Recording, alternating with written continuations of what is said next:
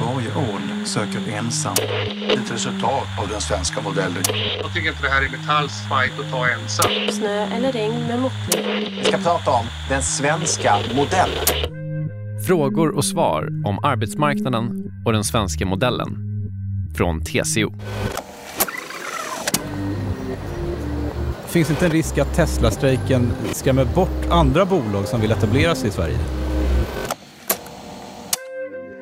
Jag tror inte att det har så stor effekt eller kommer att ha så stor effekt. Alltså givet att kollektivavtalen i stort sett är ansvarsfulla då kommer företag som vill gå med vinst och tycka att det är lönsamt att, uh, att etablera sig i Sverige. Jag heter Lars Calmfors, professor emeritus i internationell ekonomi men har forskat mest om arbetsmarknadsekonomi. Sen är det klart att Tesla, ja, kanske är ett undantag, det vet vi inte. Det, det, det är ju möjligt att de väljer att lägga ner verksamheten i Sverige då i egen regi. Men de har ju ingen stor verksamhet här så att säga, så det är inget som slår våldsamt. Och, och det de skulle göra då är väl att förlita sig på svenska underleverantörer som har kollektivavtal. Men det är ju, det är en möjligt, så att säga, möjlig utväg för dem om de ja, av hänsyn till eller så här, risken som de ser det att de behöver teckna kollektivavtal i andra länder också.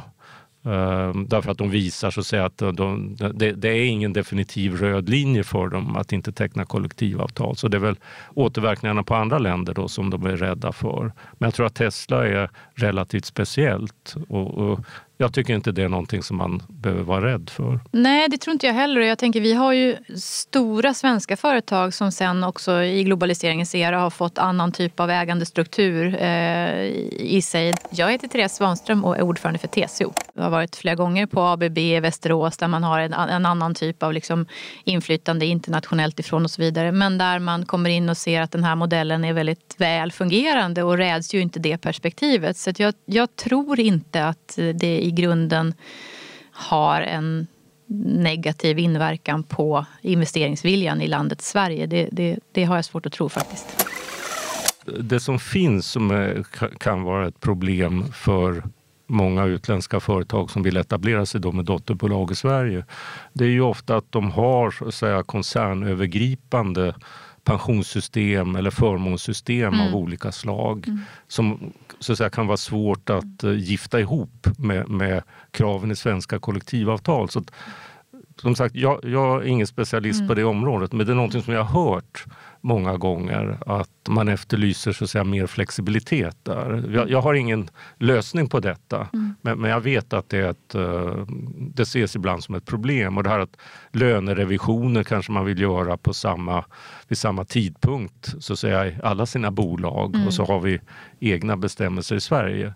Så att det där kan vara en, pro, en problematik så att säga, som i någon mening där det finns ett, ett legitimt intresse från uh, utländskt ägda bolag av mer flexibilitet. Men det är inte först nu som, utländ- alltså, som vi har en, ett, ett, internationellt inflytande och det är först nu frågan har kommit upp på bordet eh, på riktigt. Vi har som sagt haft, det är 28 år sedan senast här, Toys R Us, eh, så det har inte varit ett stort problem och vi har inte en en helt svensk arbetsmarknad. Vi har haft en, ett, ett, internationellt inflytande på svensk arbetsmarknad under ganska lång tid. Så jag, som sagt, jag tror inte att det är ett jättestort problem. Jag tänker på, vi besökte med TCO-styrelsen här också eh, Northvolt och, och norra Sverige för, för något tag sedan, Luleå och Skellefteå-regionen där, där det bara kokar av investeringsvilja och eh, framåtanda rent generellt. Och där var ju till exempel flera företag som har hört av sig till offentlig sektor och funderat hur snabbt hanterar ni en knäled om det skulle behövas. Så det är klart att det finns också